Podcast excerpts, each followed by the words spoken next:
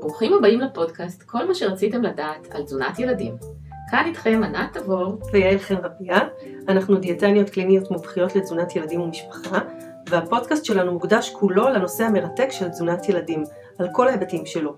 חשוב לנו להגיד שהפודקאסט הוא ממש לא על דיאטה לילדים, ועם הזמן תוכלו להבין שאנחנו לגמרי נגד דיאטות במובן העצוב והישן, ולא מאמינות בהן.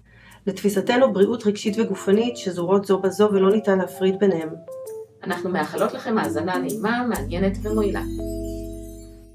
שלום לכם, היי, כאן אה, ענת תבור, והיום אני מראיינת את יעל בריסקר, שהיא מומחית לנושא של תקשורת מקרבת.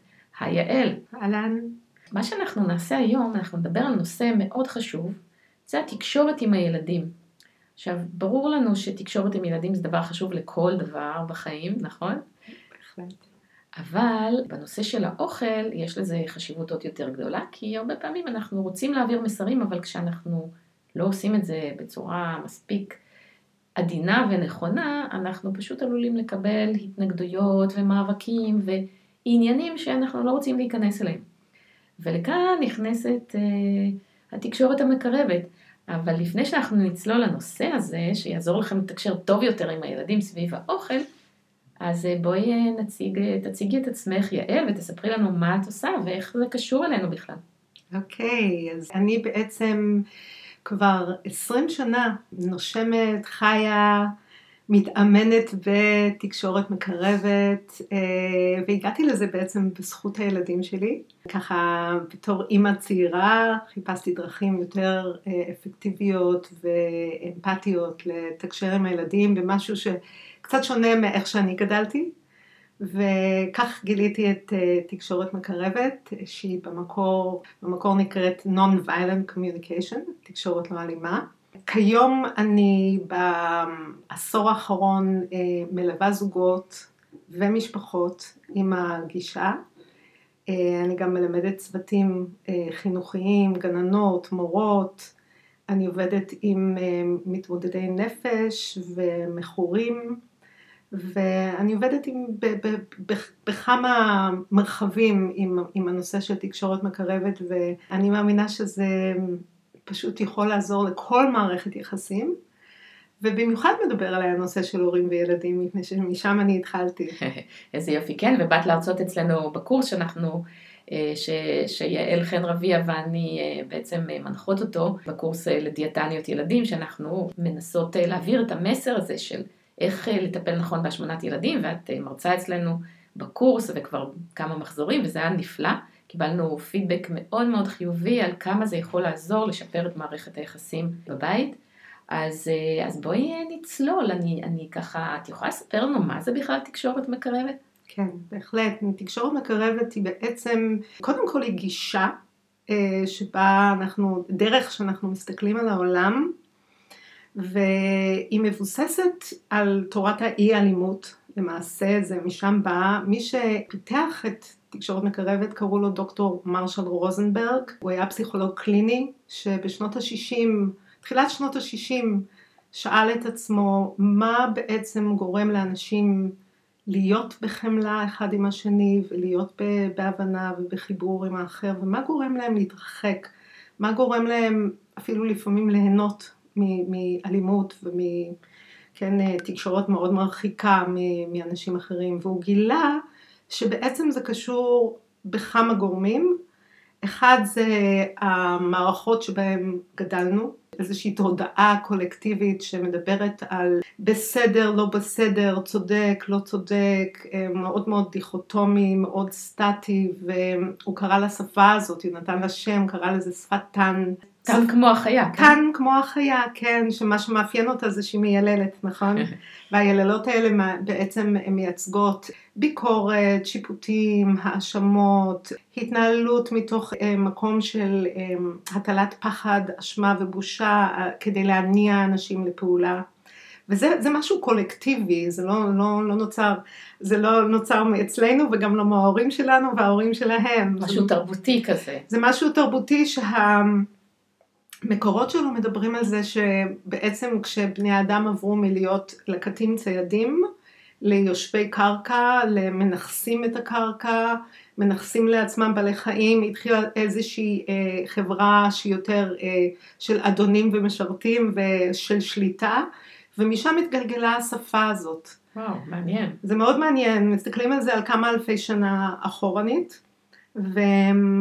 ובעצם הוא אמר, הנה תראו, השפה הזאת והדרך מחשבה הזאת, זה גם, ה... גם התודעה הקולקטיבית וזה גם מחלחל לכל, לכל מרחב שאנחנו נמצאים בו, אם זה בבית, אם זה בארגונים, אם זה בעבודה. אנחנו רואים הרבה פעמים שכדי להניע אנשים משתמשים בתנאים ב... או בפרסים, שדרך אגב בתקשורת מקרבת זה אותו דבר. כן. פרס ועונש זו, זו, זו, זו אותה איכות, בוא נקרא לזה אותו. שני הצדדים של אותה מטבע. בדיוק. אמ, ו, ובעצם מה שהוא גילה, הוא גילה שמתחת לכל התנהגות אנושית, יש צורך עמוק שמניע אותנו. זאת אומרת שאף אחד לא עושה דברים סתם, או דווקא, כן? Mm-hmm. כשאני פגשתי את תקשורת מקרבת זה היה... אה, ממאמר שקראתי ש, שנקרא לשמוע את הכן מאחורי הלא. זאת אומרת שכשמישהו אומר לנו לא או מתנהג בדרך שאינה אה, נעימה לנו או מתנגדת ל, ל, לערכים שלנו, מה שאנחנו רוצים להעביר, הוא בעצם, הוא או היא מנסים לענות על איזה צורך עמוק שלהם. כלומר, אם, אם נגיד אנחנו מבקשים מילד לעשות משהו והוא אומר לנו לא, אז בעצם את אומרת שיש פה מאחורי זה איזושהי כוונה. זאת אומרת, לא אולי לא מודעת, אבל, אה, אבל כן יש כוונה. כן. יש כאן כוונה ויש פה צורך, שצורך, חשוב לי להגדיר את זה, שצורך זה בעצם איזה כוח חיים בתוכנו, איזה אנרגיית חיים. וזה נמצא באמת לרוב ברובד הלא מודע. זאת אומרת, אחד הדברים היפים שבעצם הוא עשה, זה הוא הביא את זה לרובד המודע יותר ולרובד של השיח, והוא גילה שאם אנחנו מנהל, מנהלים אה, דיאלוג מתוך צרכים, שצרכים הם אוניברסליים, לכולם יש אותם, צרכים כמו ביטחון, אמון, קשר, קרבה, חברות, קהילה, יש לנו המון צרכים כבני אדם, ככל שאנחנו ננהל את השיחה מתוך הצרכים והרגשות שנוצרים שם, אז אנחנו נמצא חיבור ואנחנו נבין אחד את השני ויהיה יותר רצון לשתף פעולה. כן, שזה ממש חשוב כשאנחנו מדברים על ילדים, בעיקר אני מניחה סביב נושאים שהם קשים ולא כאלה כיפים לשתף בהם פעולה. בדיוק, בדיוק. זאת אומרת, אנחנו ממש רואים איך אה, לפעמים מתוך, אה, שוב, מתוך ה... פשוט ההרגלים שלנו, נורא נורא חשוב לי ככה כבר בתחילת השיחה לשים פה, להניח פה שהורים לא אשמים. כן, זה לא שמישהו פה אשם בזה שזה קורה, דברים קורים כמו שהם קורים. זאת אומרת, להניח פה שכולנו שוחים בתוך המים האלה, כן? כן. כולנו גדלנו בתוך זה, והיום, תודה לאל, יש כלים, יש איזו תודעה חדשה שנכנסת לעולם של בוא נראה את הדברים בצורה יותר חומלת, יותר אמפתית, יותר אמ, יוצרת אמון וביטחון בקשר. כן, שזה באמת נורא חשוב, כי פשוט מניסיון, בקליניקה שלי, לא רק אצלי, אלא באמת אה, כשאנחנו אה, באים אה, לדבר עם הורים על הנושא של אוכל ובעיות משקל, נגיד עודף משקל, יש שם כל כך הרבה תחושה של אשמה מצד ההורים, איך אנחנו מצד אחד לא רצינו כמובן לגרום לאיזושהי בעיה, אבל יש שם בעיה, ו- ו- והורים ממש מרגישים מאוד לא, לא נעים הרבה פעמים סביב הנושא הזה, וגם מהרצון לעזור, הרבה פעמים יש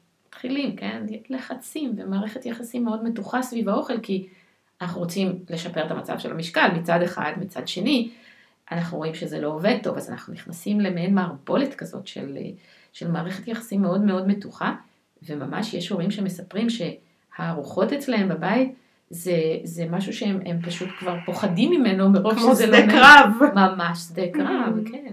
Mm-hmm. וגם מרגישים נורא אשמים, כי הם, הם מנסים, אבל זה לא באמת עוזר, וזה רק לפעמים אפילו הופך להיות עוד יותר גרוע כשהם מנסים ליישם כל מיני דברים שאמרו להם. בדיוק, ואני חושבת שלנו כהורים ואימהות בפרט, אבל הורים בכלל, הנטייה היא ללכת כל כך מהר לאשמה. עצמית ולהגיד מה עשיתי לא בסדר כאימא או כאבא שהילד שלי מגיע למקום כזה ולכן אני, אני, אני מדברת, ואנחנו מדברים בתקשורת מקרבת על זה שזה לא רק ללמוד לדבר יפה, זה לא העניין של תקשורת מקרבת, העניין של תקשורת מקרבת הוא באמת קודם כל להבין את עצמנו, להבין מה קורה לנו, מה הרגשות שלי סביב הדבר הזה, אז אני מתארת לעצמי שנגיד במקרה הזה להורים יש רגשות של בושה, של אכזבה, של, של פחד, של חששות מאוד מאוד גדולים לגבי העתיד של הילדים שלהם. לגמרי. אמ, עם המון המון כוונות טובות, המון רצון כאילו שדברים יסתדרו, וגם איזושהי תחושה של אולי אה, אה, פוחדים שהילדים שלהם אה, נגיד יוצאו מאיזשהו מעגל חברתי והם עצמם לא נעים להם כלפי הסביבה, אז יש כאן המון רגשות שקודם כל קיימים אצל ההורה, שאני כן. רואה את התפקיד נגיד שלכם כדיאטניות, גם, גם לתת לזה מקום כדי שהם יבינו את עצמם והם יהיו בהבנה ובחמלה לעצמם, שבסך הכל מה שהם מנסים לעשות זה לתת לילדים את, ה, את הכי טוב ואת ההגנה ואת הכלים לחיים. ממש ככה, ממש ככה, באמת.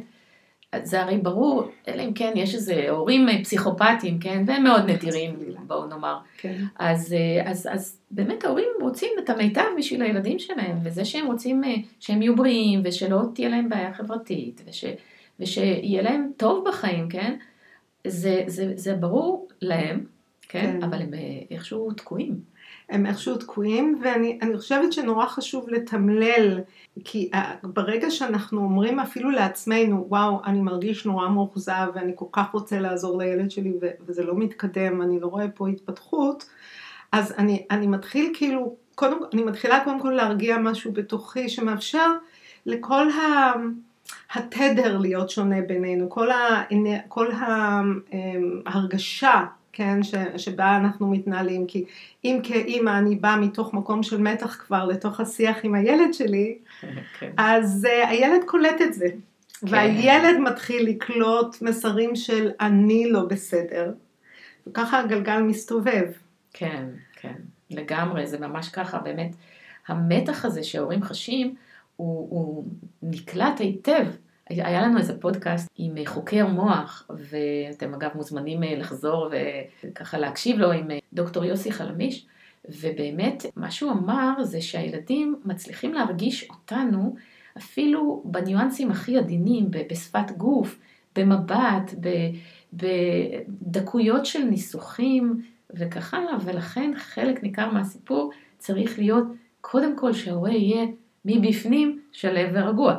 השאלה כמובן, איך אנחנו זה. עושים את כן. זה, איך אנחנו, כי באמת, לפעמים מגיעים אליי אה, משפחות ככה שכבר היו אצל רופא, ואצל אנדוקרינולוג, ואצל אה, רופא ילדים וכאלה, והזהירו אותם, אמרו להם, תקשיבו, אם הבת שלכם עכשיו ממשיכה לעלות בקצב הזה במשקל, אז, אה, אז היא כבר תהיה לה התבגרות מוקדמת, או, או הילד שלכם אה, פה בבעיה מאוד קשה, או לסכרת לא, כן, מוקדמת. בדרך לסוכרת, כן. ו, וההורים נורא בלחץ, הם מאוד רוצים לשנות, אז הם מתחילים להתנהג בצורה לחוצה, וגם לנסות אולי לפעמים להשתמש בכל מיני הפחדות, או באיומים, או בהגבלות. כן. אז איך אנחנו בעצם עוזרים להורים להירגע?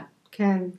אז, אז אני רוצה להגיד, הזכרת את המוח, אני רוצה להזכיר עוד משהו, שיש לכולנו את המנגנון שנקרא fight or flight, הילחם וברח, מנגנון הישרדותי שקיים בתוך המוח שלנו, שהוא אה, פועל במהירות האור.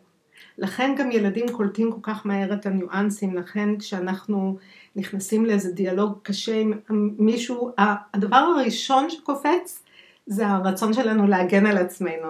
ו- ואז איך אנחנו קודם כל מתגברים על הרגע הזה, כן? אני, אני רואה שוב את הילד שלי הולך למגירה של הממתקים, אני לא יודעת. אה, מה, מה קורה לי באותו רגע? אז קודם כל, ההמלצה הראשונה הראשונה היא לקחת נשימה. ו- ולא רק לקחת נשימה, כי לפעמים אומרים, אנשים אומרים, איך אני יכול לקחת נשימה במצב הזה? אני אומרת, לעצור, לנשום ולשאול את עצמי, מה קורה לי עכשיו? מה אני מרגישה? לצורך העניין הזה, אנחנו בטח נשים את זה גם בהערות של, ה, של הפודקאסט, יש רשימה של רגשות וצרכים. יש ממש אוצר מילים שאנחנו משתמשים בו, כי לרובנו אין את האוצר מילים הרגשי, כן, אנחנו בדרך כלל אומרים טוב, רע, סבבה, דבש, לא טוב, כן? כן. ויש המון המון, יש מנעד מאוד מאוד גדול של, של רגשות. שאנחנו יכולים להתחיל לזהות אותם בתוכנו.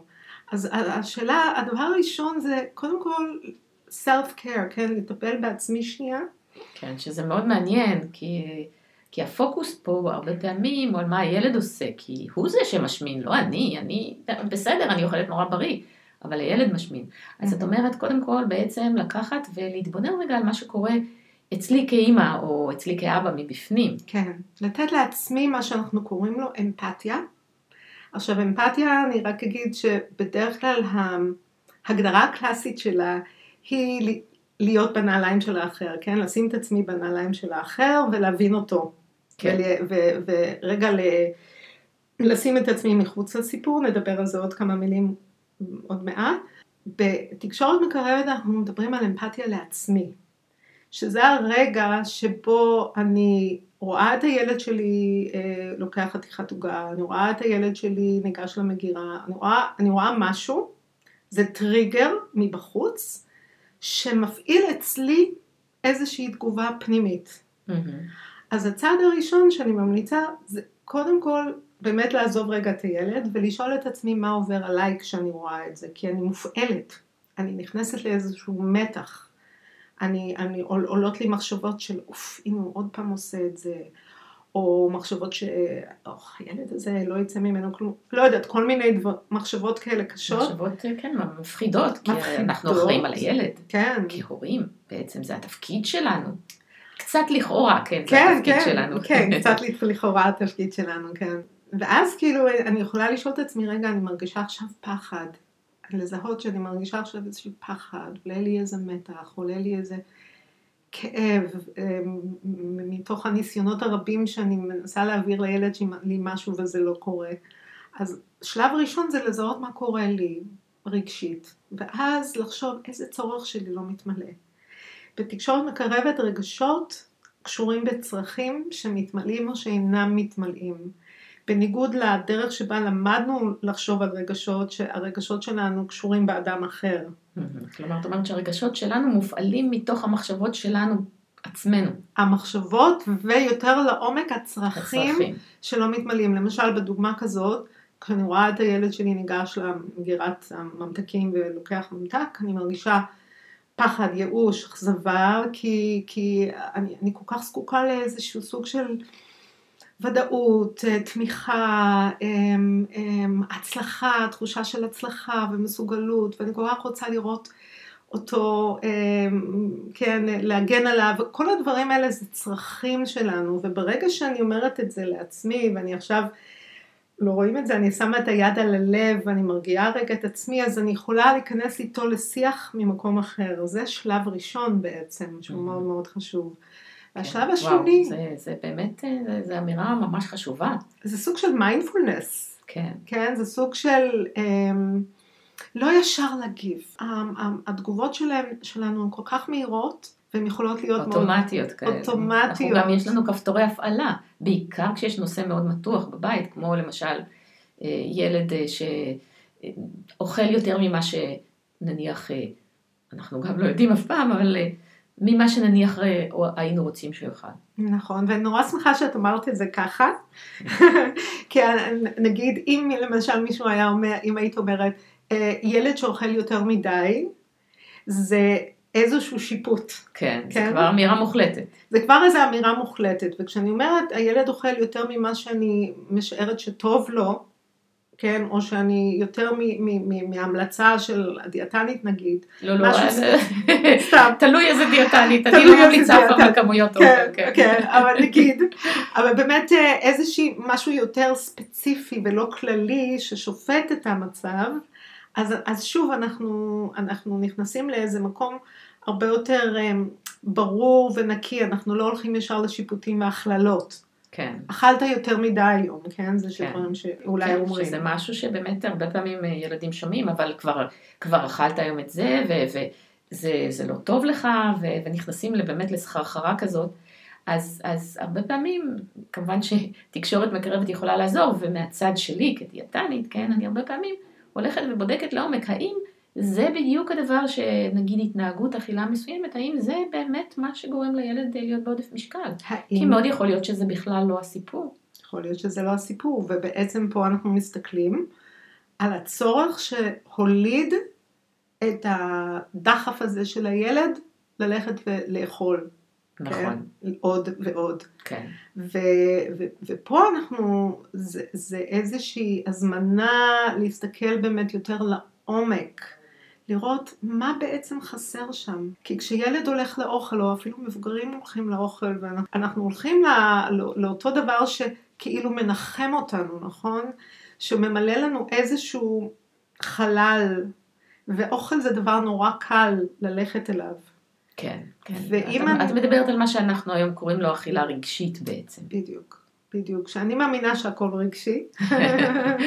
כן. כל התופעות שאנחנו רואים שגם הוכחו מחקרית, החוויות הרגשיות שלנו יחסית מוקדם בחיים משפיעות גם על ההתנהגות שלנו כמבוגרים וכן, כן, גם ההתפתחות של מחלות כאלה ואחרות וגם גם כמובן על הקשרים שלנו. אז, אז בעצם הדבר הראשון שאנחנו רוצות לעשות כשאנחנו, לפני שאנחנו באות לדבר עם הילד, זה לחשוב בעצם מה, מה הסיבה שהוא הולך לאוכל. נכון, ובאמת פה נכנס העניין הזה שהרבה פעמים הילדים אה, לא, נניח לא אכלו ארוחה מספיק אה, משביעה לפני, שזה משהו שהוא אגב לא קשור לרגש, זה דווקא דברים שאפשר לפתור ולראות מהצד. האם הילד אוכל כמו שצריך בארוחות, אולי הוא לא אכל טוב בארוחה, ואז גם, הוא גם רעב וגם האוכל מנחם אותו. ואז אנחנו מקבלים מצב בלתי כזה לכאורה נשלט של אכילה נשנשנית, אבל אחד mm-hmm. המקורות שלה זה לא רק אה, רגש. זה לא רק רגש. זה לא רק רגש, זה. גם רגש. עכשיו, אם זה מתיישב גם על עניין של רגש וגם על עניין של הרגלי אכילה לא כל כך טובים, כן. אז אנחנו מקבלים מצב שהוא באמת אה, סוג של חוסר שליטה בנשנשת, נשנשת מצוין. כן, אולי זה קשור באיזשהו אה, סוג של שעמום, או איזשהו סוג של אפילו תחושה של ריקנות מסוימת, שאני, גם אולי אני לא אכלתי מספיק בארוחת צהריים, אבל גם אפילו אם כן אכלתי, ואני כן. אכלתי לשובע, כי אנחנו, תודה לאל חיים, נכון. חברת שפע שיש לנו הכל. כן, שזה באמת הבדיקה הזאת, אז גם... לבדוק האם באמת הילד אוכל כמו שצריך בארוחות, ואז כן. הדבר הבא, אם הוא אכל כמו שצריך, והוא כאילו לא אמור להיות רעב, אבל יש לו משהו שחסר. יש שם איזה צורך שלא מתמלא. Mm-hmm. והאסטרטגיה שלו, הדרך שלו למלא צור, את הצורך הזה, ספציפית, זה אוכל. כן, כי הוא רגיל. כי, כי זה מה שרגיל וזה מה שקל וזה מה שנמצא שם אה, וזה מה שגורם לו איזושהי תחושה רגעית אפילו של שאני בסדר, שהכל טוב. של הקלה כזאת. של הקלה כזאת. היה איזה משהו שבדיוק רציתי להגיד ושכחתי אותו, אבל באמת, אה, הזכרתי שאיך אני בעצם מנהל את השיחה עם הילד. אוקיי, אז עשיתי איזושהי, כמו שאמרתי, בדיקה עם עצמי, איפה אני. חשבתי קצת מה יכול להיות הצורך של הילד, ואיך אני מנהלת השיח עם הילד על מנת ליצור אה, רצון לשיתוף פעולה. כן, ו... חשוב, חשוב, חשוב. וגם איך ליצור את התחושה של האמון בינינו, mm-hmm. בין, בין האימא לילד, בין ההורים לילד, שזה לא שמשהו לא בסדר אצלי. כן, ש, שההורים, שאני לא, שהילד, אני יכולה לשער לעצמי שילדים הרבה פעמים מפתחים מקום כזה שאימא ואבא חושבים שאני לא בסדר, ואז אני עוד יותר מתכנס בתוך עצמי, וקשה לי יותר להיפתח כן. כלפי ההורים, ואולי זה יגרום לאיזושהי התנהגות של הסתרה.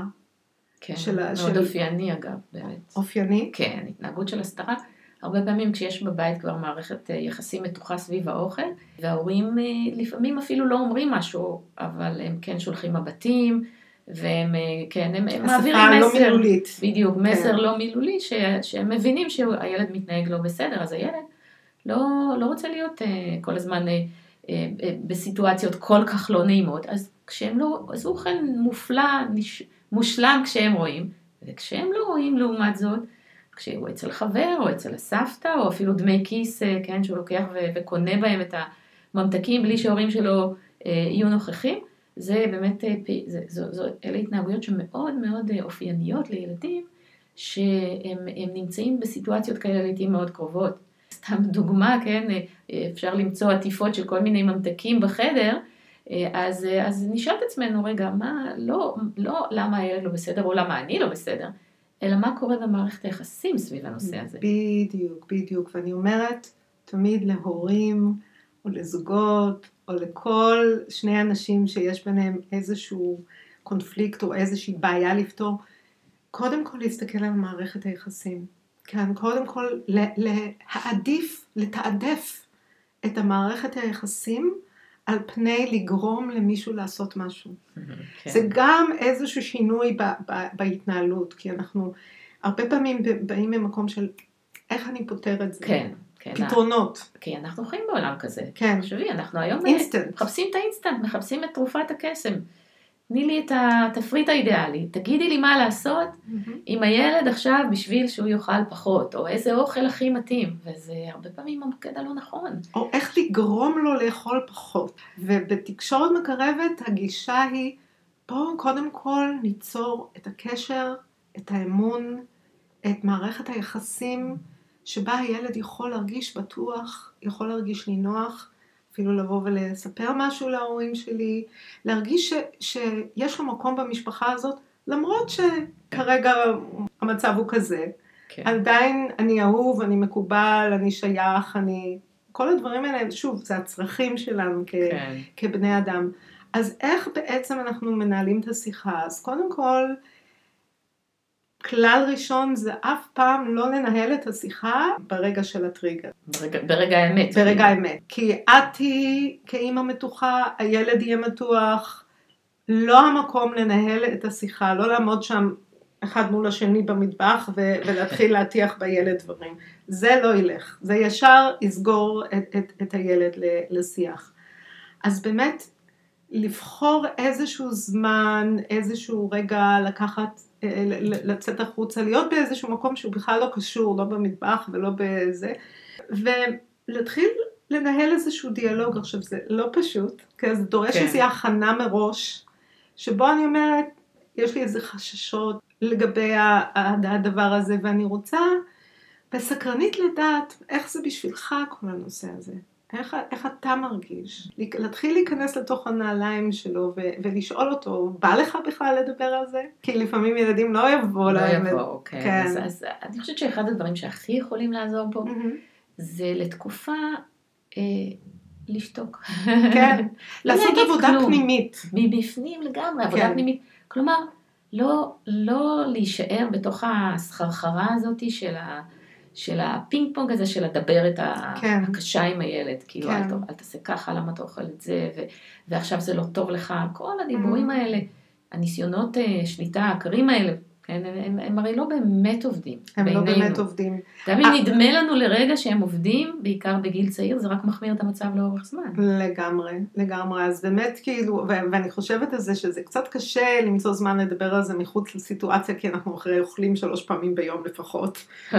במקרה הטוב אנחנו אוכלים שלוש פעמים ביום. כן, אז, אה, אז, אז באמת למצוא איזשהו רגע שהוא מחוץ לסיטואציה, והילד לא במחשב, או לא בטאבלט, או לא בטלפון שלו, אז אה, היום כן. אנחנו כל כך, היכולת שלנו גם להתמקד במשהו אחד ליותר משני רגעים, זה גם איזשהו מחסום כן. לתקשורת, אבל, אבל נניח שראיתי את הילד אה, אוכל, אז למשל, במקום להגיד למה לקחת עכשיו את המנה הנוספת של פסטה כשאמרתי לך שמספיק מנה אחת, אם אני אגיד למה, איזה תחושה זה ייתן? אני צריך להסביר עכשיו מה זה למה, איך אני אסביר? אני רוצה עוד מנה של פסטה, מה, זו שאלה רטורית קצת, כן, נכון? כן, נכון, זו קצת שאלה רטורית וגם איזה תחושה זה עושה לילד.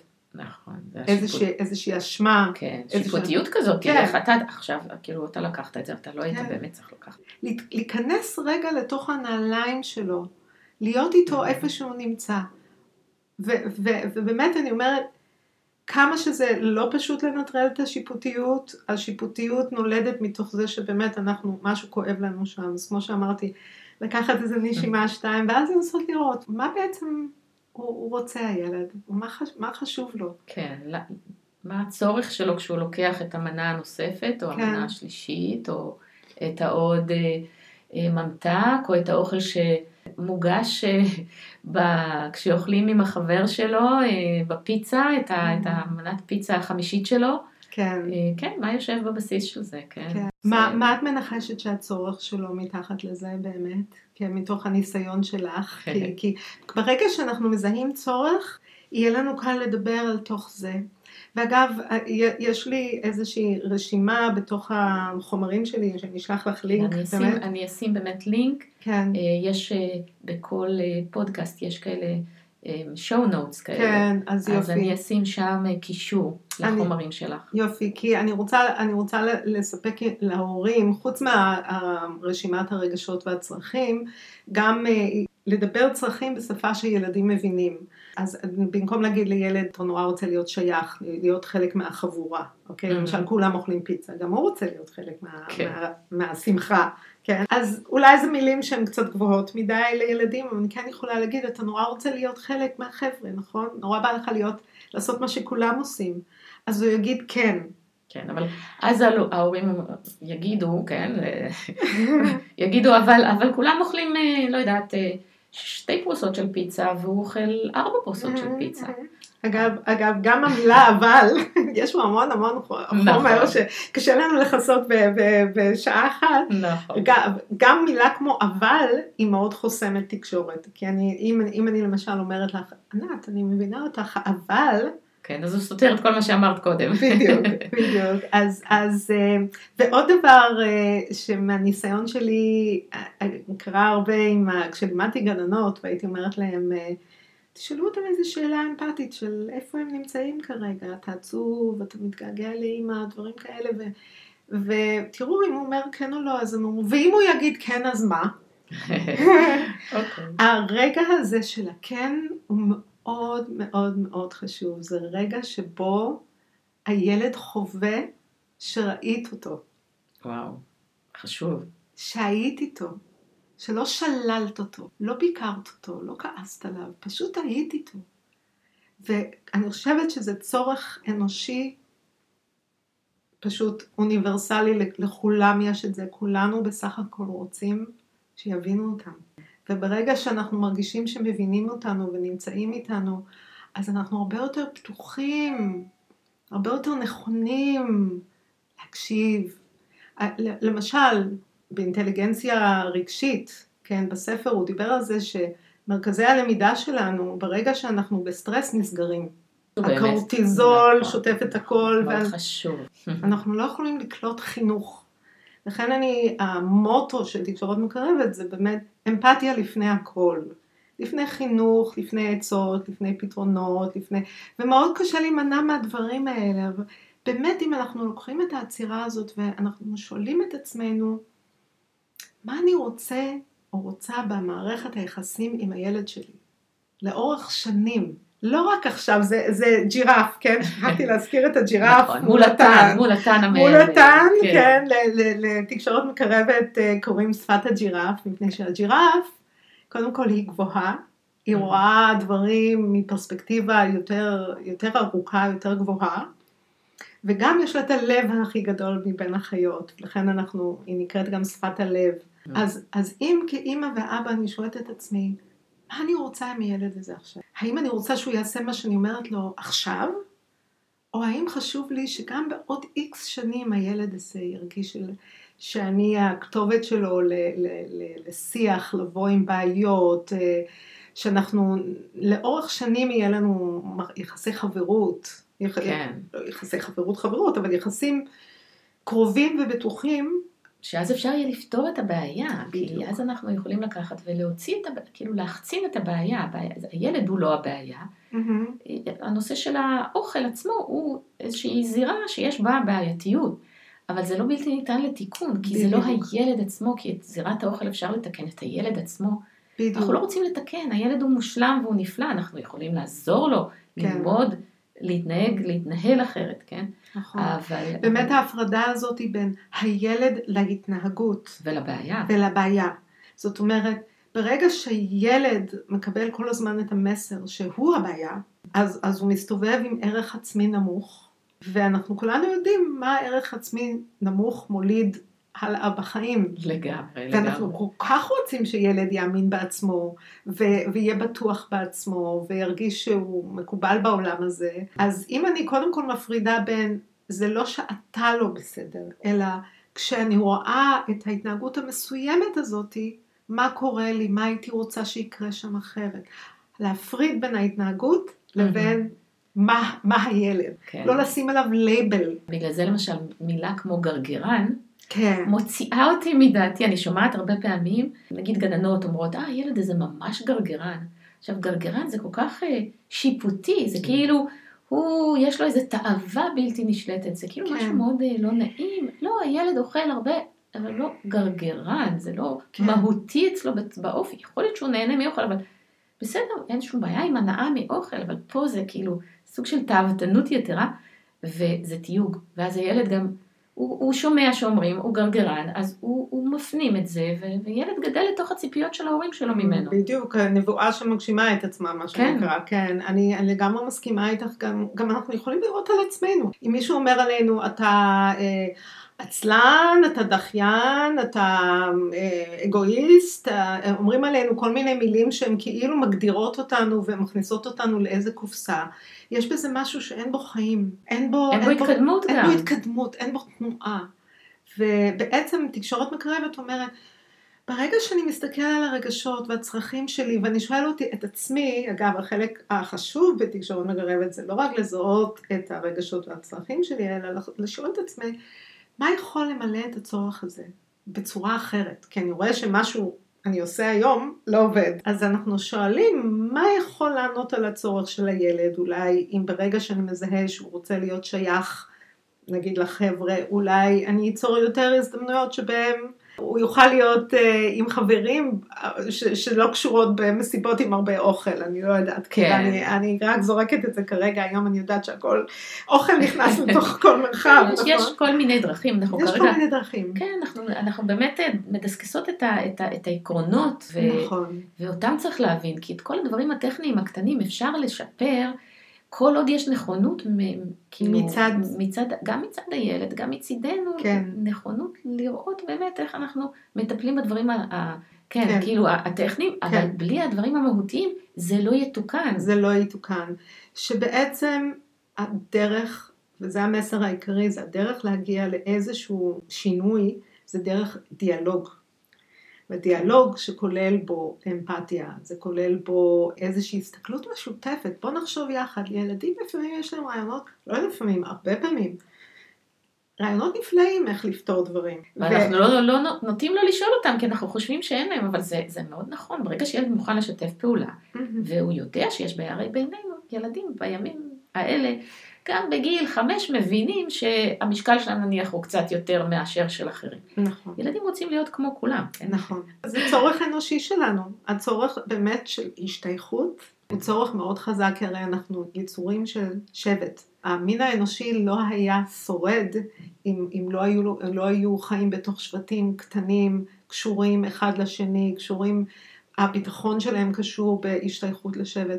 לכן כל כך, זה צורך כל כך עמוק שלנו שאי אפשר אפילו לתאר את זה. כמה הקשר וההשתייכות ולדעת שאני לא לבד, הם, הם פשוט, זה בבסיס, זה בקור, במהות שלנו כבני אדם.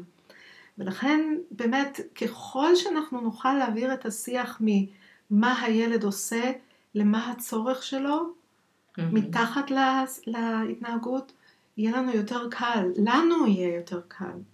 ודרך אגב, הרבה פעמים אנשים שואלים אותי, אבל למה לי להיות אמפתי? כאילו, מה יצא לי מזה? ו- ואני אומרת, כשאני אמפתית לאחר, אני גם אמפתית לעצמי, זה עובד בשני הכיוונים. משהו בי נרגע כשאני מתחילה לראות את זה במשקף, דרך המשקפיים האלה, אז, אז משהו בכל ה... כל הגישה משתנה, כל האנרגיה משתנה, יש יותר סיכוי שדברים יזוזו מתוך מקום של את יודעת, רצון מתוך רצון של אחריות. כן, איזה, מתוך, איזה יופי. מתוך בחירה. כן, זה משהו באמת, אני, אני, אני כל כך יכולה להבין את זה, כן, המשקפיים האמפתיים, מה שהם עושים, הם גם עוזרים להבין שהעולם לא נגדך. שאצל הורים כן. הרבה פעמים יש להם איזו תחושה שהילד עושה להם דווקא. כן. ו- ולא, הוא לא עושה להם דווקא, הוא לטובת עצמו, הוא לא נגדך. אין, אין אדם בעולם, בדיוק הייתה לי שיחה עם מישהו קודם על זה, אין אדם בעולם שעושה משהו סתם. אין דבר כזה, אין חיה כזאת. כולנו פועלים בכל רגע נתון, גם אני ואת, כשאנחנו מדברות על, בפודקאסט הזה, יש לנו צרכים, נכון? אנחנו נכון. רוצות להעניק, לתת, משמעות, אה, כלים, אה, זה, זה שייך להמון המון צרכים. אין דבר בעולם שאדם עושה שהוא לא על מנת לענות על צורך עמוק שיש לו. וברגע שאני רואה את זה ככה, אז אין אני ואתה, אין או-או, אין או שתעשה או שאני אגיד לך, או שאני אעניש אותך. אין, אין, כל הטרמינולוגיה הזאת, mm-hmm. אנחנו שמים אותה רגע בצד ואנחנו רואים את הצרכים שמתחת להתנהגות ולומדים לדבר אותם, וזה מה שעושה את הקשר, זה מה שעושה את האמון. שהם הבסיס, הבסיס לכל כן, דבר. כן, איזה, איזה יופי. אה, אני חושבת שככה, אה, לקראת סיכום, mm-hmm. כן, אנחנו, בואי ככה, תתני כמה משפטים אה, מהעולם שלך, מה היית מציעה להורים ששומעים אותנו עכשיו ושכבר יש להם שם ענייני אוכל, נקרא לזה בבית, מה, מה היית מציעה להם ככה ממש בכמה משפטי סיכום? הדבר הראשון שעולה לי זה לכו ללמוד תקשורת מקרב. את יודעת מה, סבבה? אני חושבת שזה דבר, כולנו צריכים ללמוד תקשורת. יש, יש לי קולגות, זה, מצחיק שאני מפנה החוצה למישהו אחר, אני, יותר, אה, אני, חושבת שהדבר הזה מן הסתם גם גורם למתח בין, הזוגות עצמם. לגמרי. אז אחד, אני יכולה להציע לאנשים לבוא ו- ולקבל אמפתיה על הנושא הזה עם, עם איש מקצוע ומישהו שעוסק באמת בנושא הזה של תקשורת, ו, אה, אה, אז זה אחד וזה משהו שאני מציעה. אה, שתיים, להורים שבאמת רוצים להעמיק בתקשורת מקרבת בנושאים הספציפיים ההוריים, אז יש חברים שיש להם גוף שנקרא הבית להורות מקרבת, שמאוד עוזר mm-hmm. לפתח את התקשורת, ויש להם כבר קורסים אונליין כאלה. מעולה. אני אגיד משהו נורא נורא חשוב. הרבה פעמים אנחנו שומעים רעיונות שאומרים וואו זה רעיון טוב או כן אני צריך לאמץ את זה אבל אה, מה שאני תמיד אומרת זה כמו שאנחנו לא הולכים, הולכים פעם אחת לחדר כושר ומצפים שזה ישנה את הגוף שלנו. וואו, זה חשוב, כן. אז גם פה זה איזשהו שריר שאנחנו רוצים לאמן, או שפה חדשה שאם אנחנו נלמד שפה חדשה ולא נתאמן בה, אנחנו לא נוכל באמת להטמיע אותה. לכן, כדי לשנות את, ההרגל, את הרגלים הלא אפקטיביים של תקשורת, עלינו באמת גם ללמוד את היסודות בצורה קצת יותר אה, יסודית, ו... to educate, כאילו לחנך את עצמנו mm-hmm. למשהו קצת שונה, לאמן את עצמנו, אה, בדיוק כמו שאנחנו עושים מדיטציה, אנחנו עושים פעם אחת, אנחנו עושים את זה אלפי פעמים. Okay. כן. אז, אה, אז ההצעה, זאת ה, באמת ההצעה הכי קונקרטית שיש לי, ו, ובאמת הדבר הבא זה באמת המון המון חמלה והבנה לעצמכם. המון המון כן. המון איזשהו חיבוק עצמי, עבודת ההורות, מרשל רוזנברג, דוקטור מרשל רוזנברג היה אומר, העבודה הכי קשה עלי אדמות זה עבודת ההורות. כמה זה נכון, וואו. פעם גם שמעתי משפט שאומר שההורה הטוב ביותר זה הורה שעדיין אין לו ילדים. בדיוק, לגמרי לגמרי, אז כן, אז, אז באמת כאילו לתת ל... שהורים ייתנו לעצמם קודם כל המון הכרה והבנה שזה לא פשוט בעולמנו. אתם עושים כמיטב יכולתכם בכל רגע, ואנחנו כולנו ביחד בתוך הנושא הזה, ולהיעזר, להתמך, להיעזר, ללמוד, באמת לחזק את הדברים שחשובים לכם. ואם חשוב לכם הקשר עם הילד, את זה לחזק ואת הקשר עם עצמכם. כן, ואני אוסיף משפט אחרון, ש, שגם אם חשובה לכם הבריאות של הילד וה, והמשקל של הילד, כן, שוב, זה בוודאי המשקל בפני עצמו אין לו שום עניין, אבל כל הנושא הזה של, של ה, שסביב אה, אוכל, משקל, בריאות, אז תמיד, תמיד, הדבר הראשון שצריך לעשות זה להסדיר את מערכת היחסים. בלי. זה, כנראה שום דבר לא יעבוד כראוי לטווח ארוך. לטווח קצר כן, לטווח ארוך סביר להניח שלא. כן. אמ, וכן, מרשל היה אומר אה, באנגלית, הוא היה אומר connect before you correct. זאת. אומרת, תיצור את הקשר לפני שאתה מתקן. ועוד הקשר, שוב, להעדיף את הקשר ואת היחסים ואת האמון על, על פני כל כן, כן, דבר. כן, כפעולה הראשונה. כן. וואו, זה היה מדהים. ממש תודה רבה לך. תודה היה רבה. מרתק לדעתי, וחשוב לאין שיעור מכל אה, כמעט דבר אחר. זה הבסיס. ותודה רבה, יעל, שהיית איתנו. את רוצה להגיד לנו ככה איפה אפשר, אה, אה, יש לך אתר, יש לך פייסבוק, איפה יש. אפשר למצוא אותך? יש לי אתר יעלבריסקר.קום, יש לי פייסבוק תחת השם יעל בריסקר. אני מאוד ממליצה פשוט לשים בגוגל תקשורת מקרבת, גם ו- תגיעו אליי, יש לי גם קורס אה, יסודות אונליין שאני נותנת שהוא קורס ב live, אה, לא מוקלט אלא אה, בלייב, ושאנשים יכולים להצטרף אליו, אז מעולה, אז תודה רבה, ואתם תודה. אתם כמובן מוזמנים להמשיך לעקוב אחרי הפודקאסט, ואם יש לכם uh, תגובות או דברים לומר, אז אפשר לכתוב גם בכל האפליקציות, אפשר להשאיר תגובות, אפשר לדרג אותנו, את הפודקאסט שלנו, uh, אז אתם בהחלט מוזמנים לעשות את זה, ותודה לך, יעל, שהיית איתנו, ונשתמע בפודקאסט הבא. תודה רבה, mm, להתראות. ביי ביי. ביי.